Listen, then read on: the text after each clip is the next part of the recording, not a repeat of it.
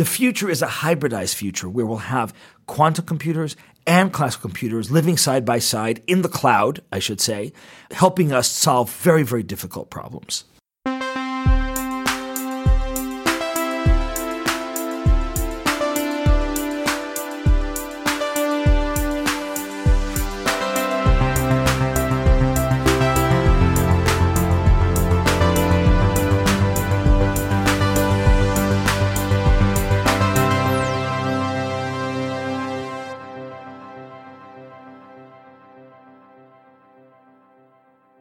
So uh, this is Heja Framtiden. We are recording from uh, Epicenter in Stockholm at uh, SIME Conference 2019. I'm sitting here with Jack Hidary. Welcome to the show. Hey, thanks, Christian. You're here in your personal capacity, as you mentioned before. You work uh, with um, Alphabet X, formerly Google X, and uh, also you're a writer, a researcher, and entrepreneur. Uh, is that a correct description? Yes, definitely. Good. Um, you were here to uh, talk today uh, to um, the SIME audience about quantum computing. Yeah, today we uh, had a really fun discussion around quantum computing, but also was able to discuss quantum sensing and quantum communication. All these three together, Christian, form this field that we term quantum information sciences, QIS one of the main goals of the field is to create a lot of acronyms and abbreviations. And so uh, we have no shortage of acronyms and abbreviations. But one of them is QIS, Quantum Information Sciences. And I think that your listeners today will start hearing more about it in the next few years because quantum technologies, be it communication, sensing, or computation, uh, will start impacting our lives in different ways. Can you give us examples? Yeah, sure. So, if we look at quantum sensing as an example, quantum sensing is something that can be done now. We don't have to wait till the future. We don't have to wait till a million of these things we call qubits. Uh, there's many near-term applications of quantum sensing. An example would be the magnetic fields uh, around uh, different parts of the body. So, for example, the brain uh, has a magnetic field associated with it because anytime you have electricity, you have magnetic fields. And so there is something called an EEG, of course, electroencephalogram, that detects the electrical activity of the brain. But there's also devices around the world today already uh, called MEGs, magnetoencephalograms. And these MEGs are detecting the magnetic field that is generated by the electric field of the brain. Okay. So you might say, why? Why do we need such a thing? Well, it turns out that the ability to pick up the electric field is mainly limited to the surface electrical activity of the brain, the cortical activity of the brain. And that is very important and very interesting, and EEGs can tell us a lot. But also, if you want to know about the deeper parts of the brain, kind of a 3D imaging of the brain, a brain activity, then magnetic fields are actually a little better because they penetrate farther from their source through the bone, through the skin, uh, out to the detector. So MEG, magnetoencephalography, is a complementary channel to EEG. And traditionally, it's been very laborious to try to get such a signal out. You'd have to have very large machines in large rooms uh, that have to be kept at super cool temperatures. But things are now changing. The future of MEG is probably in different kinds of quantum sensors that are quite uh, portable and quite uh, inexpensive and no, don't necessarily require uh, cryogenic, that is, very, very cold temperatures. So, so this is changing the way we think about medical imaging. It's also going to change the way we think about material science. If you wanted, if you had a certain material that you're developing to be, for example, in an electric vehicle battery or to be part of some other product that you have, and you wanted to know more about that particular material, you'd want to use a quantum sensor to know about its magnetic properties and other properties. And so these, these sensors, these quantum sensors that take advantage advantage of quantum mechanical properties, these they're going to become very ubiquitous in our society. Hmm. And maybe we should also begin by defining quantum computing. Yeah. How so, do you define it? So so so we have we talked about quantum sensing. We can talk more about quantum communication. Uh, the second leg of the stool, and then the third leg of the stool is quantum computing. And but the core definition of quantum computing is any computer that is taking advantage of quantum mechanical properties to do the computation. So, of course, every computer we have, laptops, supercomputers, of course, have quantum mechanics at their core in the sense that the whole world is made up of the laws of quantum mechanics. But that is different than saying that they're using quantum mechanics to do the actual computation. So, a quantum computer, uh, let's say, for example, one that uses qubits, quantum bits.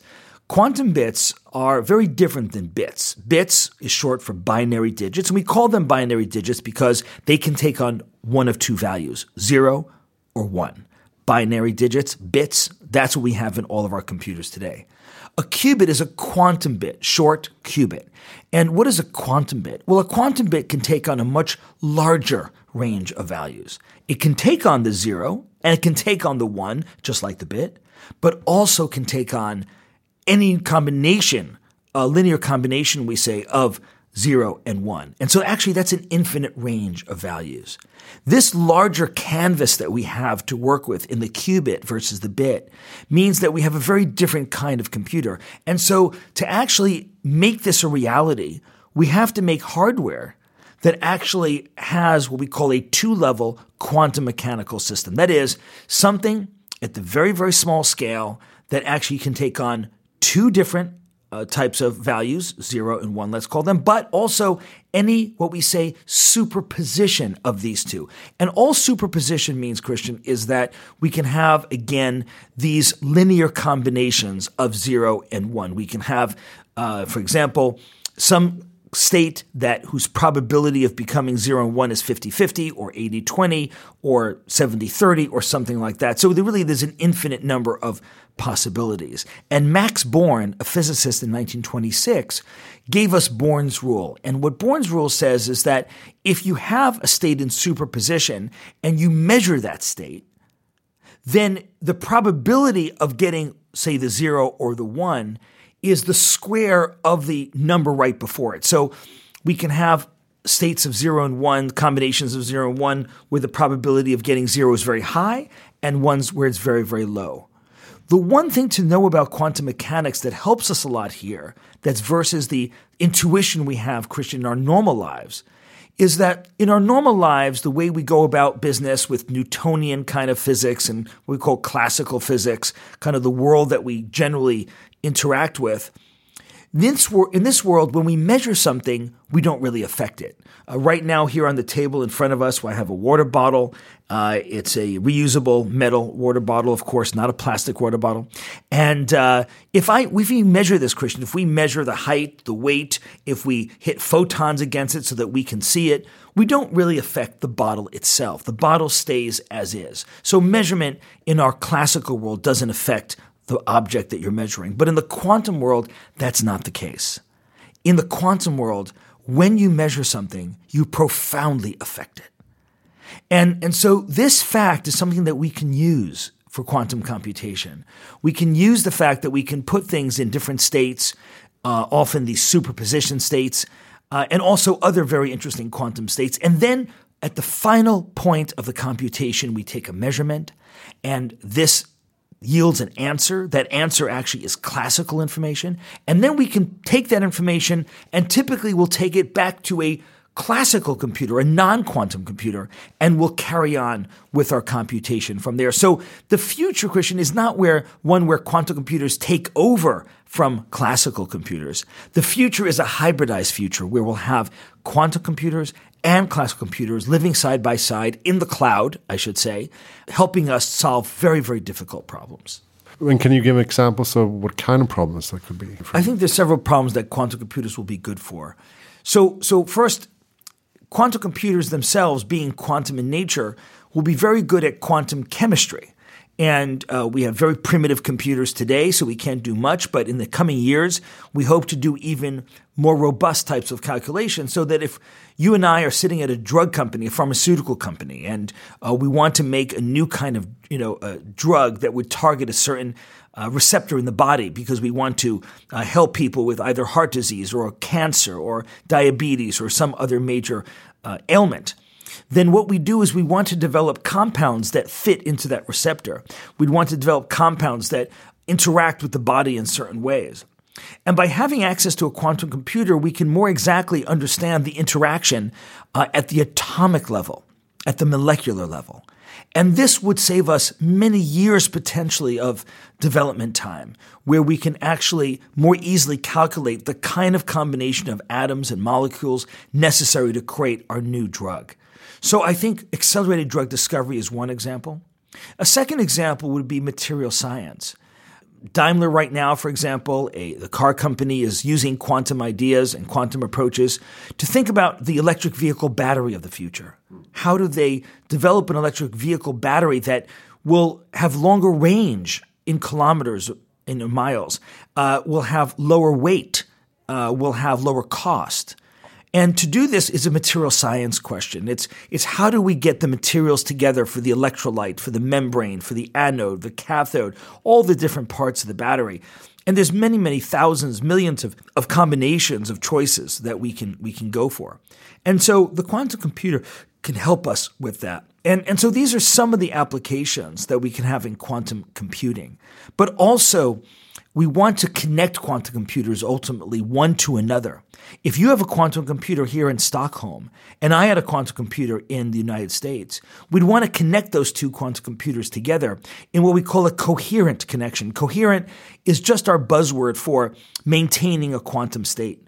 We talked about superposition as one of these quantum states, this, this somehow this linear combination of zeros and ones, uh, uh, the zero and one vectors.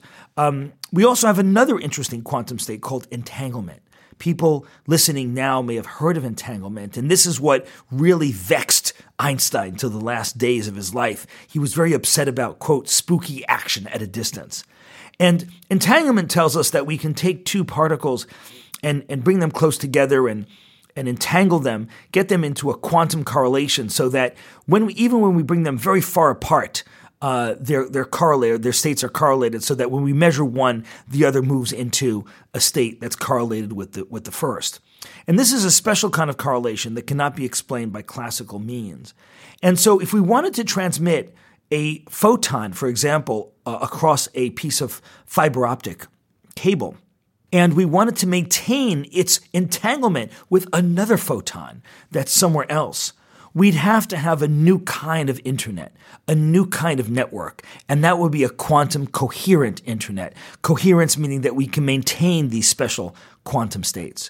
So, if again, going back to quantum computing, you had a quantum computer here in Stockholm and I had one in the US, and we wanted them to collaborate, these two quantum computers, and pass quantum states back and forth to each other, we would need a quantum internet. And what's amazing is now it's already beginning to form. So, we see already here in Stockholm uh, labs at, e- at KTH working on uh, the beginnings of the nodes of these uh, quantum internet areas. And in Switzerland, this is happening. In the UK, it's happening. In the US, it's happening. In China, it's happening. So we're beginning to see a new parallel internet. Just as in 1969, there were a number of nodes at universities and national laboratories connected to create what we now know as the internet, then as the ARPANET, then DARPANET, now internet. So too, Universities are now collaborating with each other and with companies to form this new parallel internet, the quantum coherent internet. And I think it's going to be very exciting what we can do with it. So basically, uh, the more quantum computers there are, the better.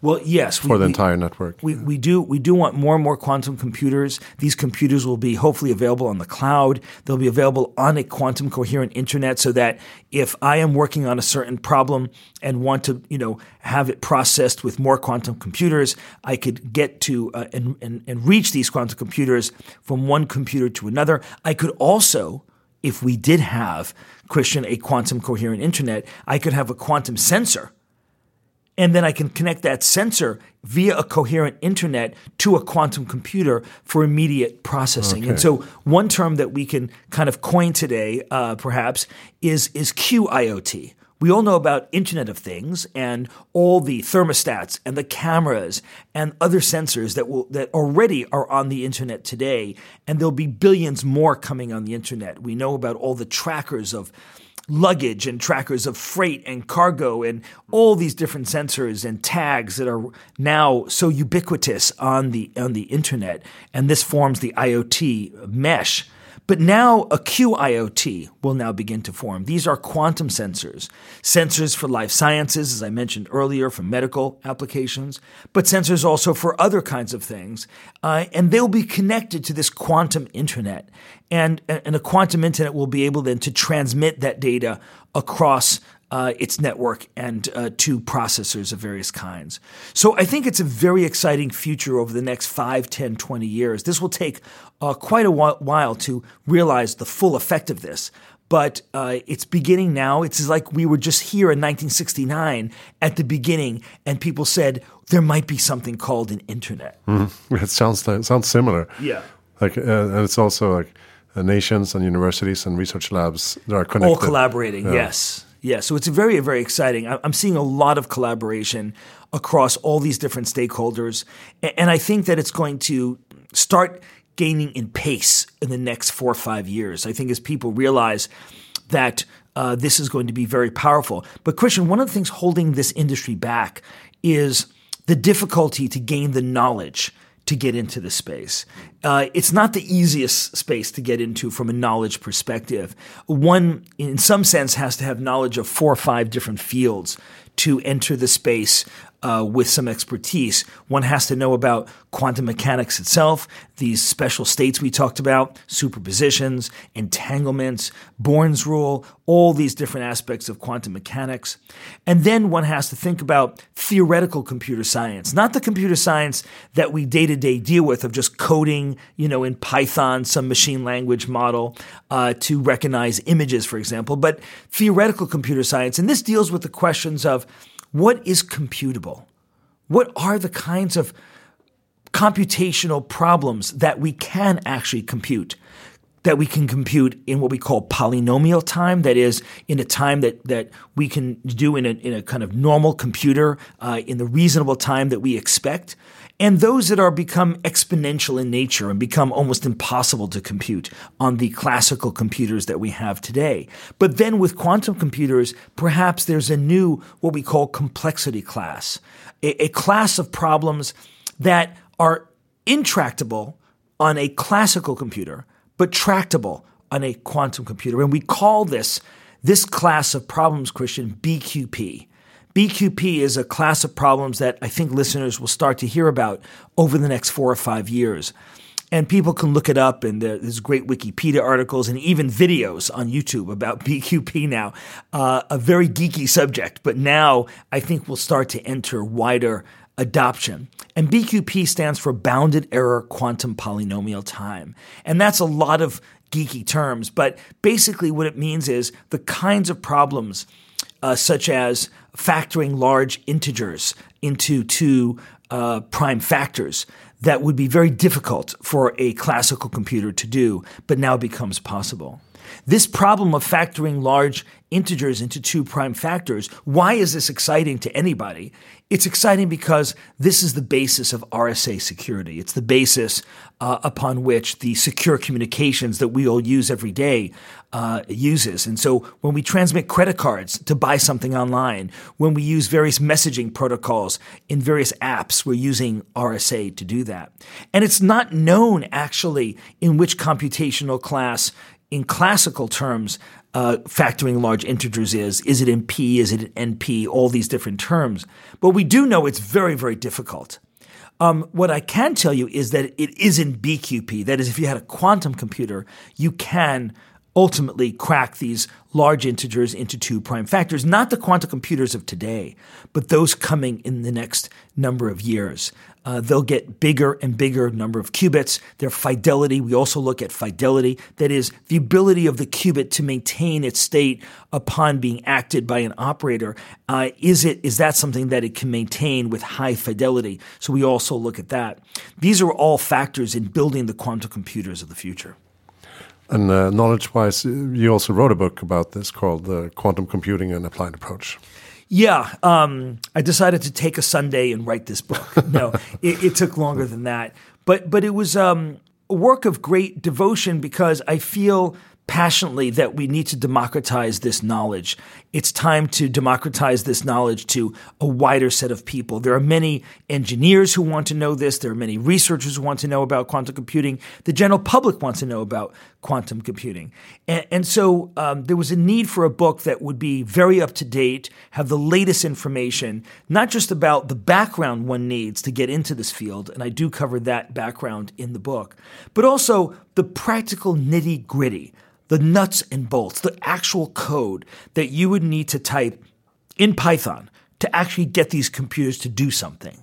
And so there is a book, as you mentioned, called Quantum Computing An Applied Approach and, and, and people can find it online on Amazon, uh, for example, and other places. But there's also the website, and the website is free, and people can access the code on the website. I do want people to download the code and play with it. And there's lots of problems and questions and challenges on the website that people can challenge themselves with because the initial quantum computers are all again on the cloud. You don't have to buy a quantum computer to get into, into this. Uh, and I recommend people go to various cloud providers and check out those quantum computers that are available and start playing with this. Even before you access a real quantum computer, you can download these various software frameworks and you can have what's called a simulator. This is a simulation environment in which you can run your quantum code on your own laptop. You need nothing more than your own laptop to run this code, and it will give you a simulation as if you were on a quantum computer. So this is now available, and I want to really democratize this knowledge uh, to universities, uh, to companies, to engineers, researchers, and others who might be interested in this area. You've been uh, talking and working and reading and uh, writing about uh, moonshots a lot. Yeah. How do we define moonshots? Well, moonshots are, are fascinating. Uh, I first got involved in moonshots with the X Prize, uh, a nonprofit, an NGO uh, that is uh, global in scope and really thinks about the grand challenges of our world. How do we provide water, clean water for people? How do we provide food for people? How do we uh, educate uh, and help people gain literacy who have no literacy.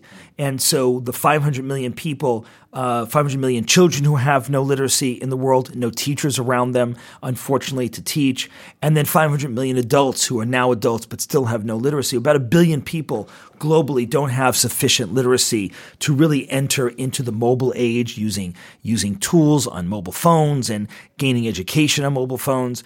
Um, this is becoming very a big challenge, and so these grand challenges require really different kinds of thinking, require moonshot thinking. Moonshot, of course, refers back to uh, the 60s when JFK stepped up and said, Let's go to the moon. It is hard. We don't know how to do it, but we're going to do it. We're going to make it happen. And, and that team did make it happen. And there's many examples of moonshots uh, uh, since then. And we can take on these grand challenges, but often what's exciting is to really think about the problem very, very differently. Uh, for example, there's a project that um, Alphabet took on called Makani, which is a project that started as an independent uh, company, a startup. Makani took on the challenge of the limitations of wind power. Uh, wind power mainly today is produced by turbines on top of tall towers. And those towers, generally speaking, are at about 100 meters of height. But 100 meters, the wind is interesting, it's okay, but not as great as it is at 200 or 300 meters of height. And so, how can you get up there? Well, it's hard to make a tower that tall. You'd have to make a base much wider. There's many other difficulties. But in fact, if you got rid of the tower altogether and you decided to create a wing with propellers, and this wing with propellers was up at 200 meters, 250 meters of height, where the wind is much stronger and more consistent, then you would have a very interesting wind power producer. And in fact, that's what this team at Makani, Makani means wind in Hawaiian, and that's in fact what they built. And they're still testing it now, and I hope one day it'll reach market. So it's something. This is that's the kind of a good example of moonshot thinking. When when so, trying to make something 10x better may actually be easier than making it 10% better. Sounds counterintuitive. It sounds like oh, 10% should be far easier than 10 times. But when you can really rethink something from ground up, then you have a freedom to design. And for the designers who are listening to this, this is not just for techies, it's not just for programmers and engineers. This is also the realm of designers, people who want to design the future. And so I welcome them into the moonshot community. It's it seems like it starts with with the the phrase "This is never going to work." You can't do that. Well, Christian, one thing we, we've learned is that uh, we often have to doubt the so called experts. Uh, experts may be defined as somebody who knows a lot about a subject, but it can also be defined as somebody who, in a way, is the keeper of the tradition. You know, somebody who is uh, embodies and has imbibed and is now transmitting the received wisdom of that field. And if the received wisdom of that field says, this is how we do wind power, then that's how people can do wind power. If the received wisdom of the education field is that you need teachers at all times to teach all subjects, and you have to have a monologue approach of a teacher in front of a classroom teaching students who are sitting quietly, no fidgeting allowed, you know, in their in their seats, then that is going to be an expert who tells you that the Global Learning X Prize is impossible. Well, actually, what we demonstrate in the Global Learning X Prize that it is possible. In fact, it's not just possible because a couple of different teams decided to try it out on themselves. As part of the prize competition, they had the opportunity to put this in front of thousands and thousands of kids across many villages that volunteered to enter into this study and use their software for months on end and be tested before and after in their literacy so that we can have a real world understanding of how this could be used. And what we found is that there was peer teaching going on. Not only was the software successful in having kids teach themselves how to read, write, and do basic arithmetic, but also those students who got it a little faster were peer teaching their friends. And so within a matter of months, literacy shot up dramatically in these villages. And this gives us hope for the future that we can now scale to hundreds of millions of kids. Because trying to do it the old way, the way that the development community want us to do it, of trying to find more teachers, hire more teachers, fly teachers in, and force an old model on the problem, just simply would not work. I see this also happening now at, at School 42, École 42 in Paris, which is a breakthrough model of education of coding. And this model has been so successful that despite the fact that School 42 just started really as a vision of just one place in Paris by Xavier Niel and his co-founders, there's now 20 of these School 42s around the world because the model was so successful and it's only six years old. And in the past two, three years, other philanthropists, other educators around the world said, we want to adopt School 42 in our town, in our city, in our region, in our country. And how does School 42 work? Just like the Global Learning X Prize, same insight, that if we want to have people really understand this knowledge and understand how to code and gain the skills to code, teaching them in front of a classroom is not going to be the way to do it. Rather, there's an online curriculum, but kids don't do it remotely. They come to a physical site uh, in Paris, and people, uh, if they can, should go visit the site, uh, email them, and get permission to go take a tour of the site. And what you find when you get there are cohorts of 900 people by the way, of all ages. It's not just uh, a high school or college age. You have people 40, 50 years old, 60 years old there. And they all want to learn coding. And so they go to the online curriculum. There's a thousand workstations, 1,000 computers uh, in this very large room over two levels. And they, they are able to look at the curriculum, start to take on projects. It's all project based. That's another learning that we've had. It's not rote based, it's project based, challenge based work where you take on a certain programming challenge and you have to solve it like a puzzle. But then when you get stuck, who do you turn to? You turn to your peers. And your peers help you. And there's an incentive, a culture set up at School 42 to incentivize people to help each other. And this is very, very powerful. I've also seen this now in Israel in Tel Aviv at Infinity Labs. Infinity Labs is another school of coding that was started six, seven years ago. And they also have a similar model, a model where peers teach each other and there's mentors roving around. If you have a very hard problem, a mentor who's more experienced can come help you. This has been again a very successful program. Where are the classrooms? Where are the teachers in front of the classrooms? You don't find it at Infinity Labs. You don't find it at School 42. In fact, at School 42, 35 plus percent of the students don't have a high school degree, nor will they have a high school degree. They dropped out of high school. So do you want to just write these individuals off? Do you want to abandon them? Actually, they're thriving at School 42 people there believe in them. And, and so there's a lot of human elements involved in rethinking education in this way. And I think that this is a revolution. It's a revolution in, in how we can disseminate information. Yes, there's a role for universities and, and some kind of lectures and things like that. But if you want to scale to thousands and thousands of people and giving them free tuition, did I mention that School 42 has no tuition, no cost at all? And, and so how would you achieve that? If you have the old model, you have to pay a lot of teachers, you have to have a lot of overhead. You have, to have to have a lot of traditional textbooks. But School 42 achieves its efficiency in part because of this revolutionary model. So I think that knowledge and education is the key. It's the key to quantum computing. Coming back to our initial subject, if you want to get into quantum computing, you'd have to have a lot of knowledge. But if one wants to go through that knowledge in a very traditional way of years and years and years of classroom experience, it's going to be a while before they get there. Rather, I think what's exciting is that can we set up peer based teaching and other new forms of education to disseminate this knowledge very, very rapidly? It sounds like um, many of these uh, needed, much needed systemic changes uh, in the world are actually plausible. I think they're quite plausible. In fact, it's really up to us. What we found in moonshotting, starting with the X Prize now more than 10 years ago, is that the big barrier, Christian, is not the technology barrier. It's not can we make software that helps uh, people teach other people and peer peer teaching and kids teach themselves, and can we have a uh, robots that would clean up the ocean in the Ocean Cleanup Prize is an example, another example of an X Prize. The barrier is mental, right? If you look at the first X Prize, the X Prize for Space, the Ansari X Prize for Space, at that time, people just thought we were nuts. It's like you want to put up $10 million and people, individuals, non governments, no governments allowed, small teams of individuals have to create their own space vehicle, get in it, fly to space, back and forth twice in two weeks, and live, by the way. That's one of the requirements. You gotta live, okay? Um, I mean, you just, it, people thought it was just mad.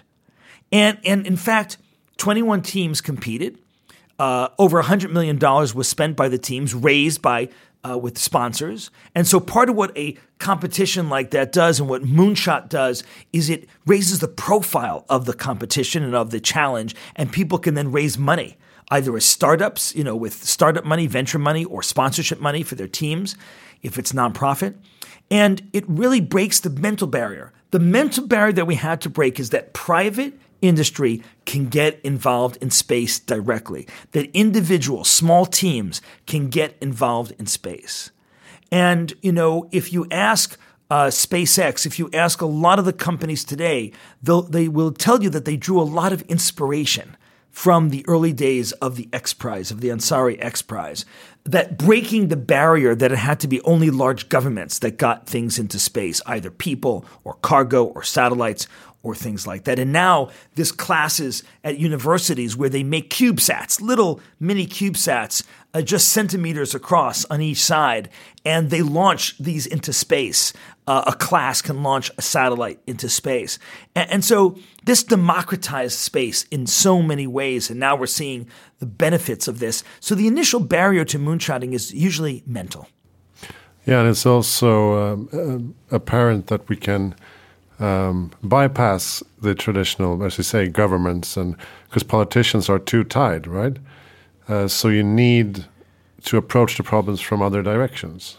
Yeah, look, there's major challenges we have in the world, and, and let's all start to work together to uh, address them. And we can't just leave it up to one stakeholder. We need government, uh, but we also need many other stakeholders involved, particularly entrepreneurial thinking. We need a lot of students involved, and students now with the internet can get so involved in all these kinds of uh, challenges. Because they have the internet, for example, they can access downloadable, free, databases of genomics.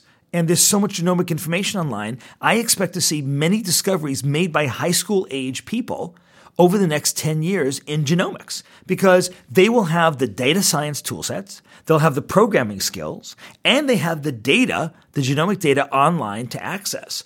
you don't have to be some 45 year old researcher to make a massive discovery. So again, that's a mental barrier, right? We can treat high school students, secondary school students, as you might say here, as adults. We can say, we believe in your ability to make real discoveries, not toy discoveries, not for class, but real discoveries. And let's unleash that. Let's treat them as the discovery engines that they are. So hopefully today we've, you know, uh, I think we've covered a lot of ground here, a lot of different topics. Um, coming back to our initial topic of quantum computing, I would say that it's a very exciting moment. It's a very early stage in quantum computing. It's very early days. The quantum computers we have uh, uh don't do very much yet.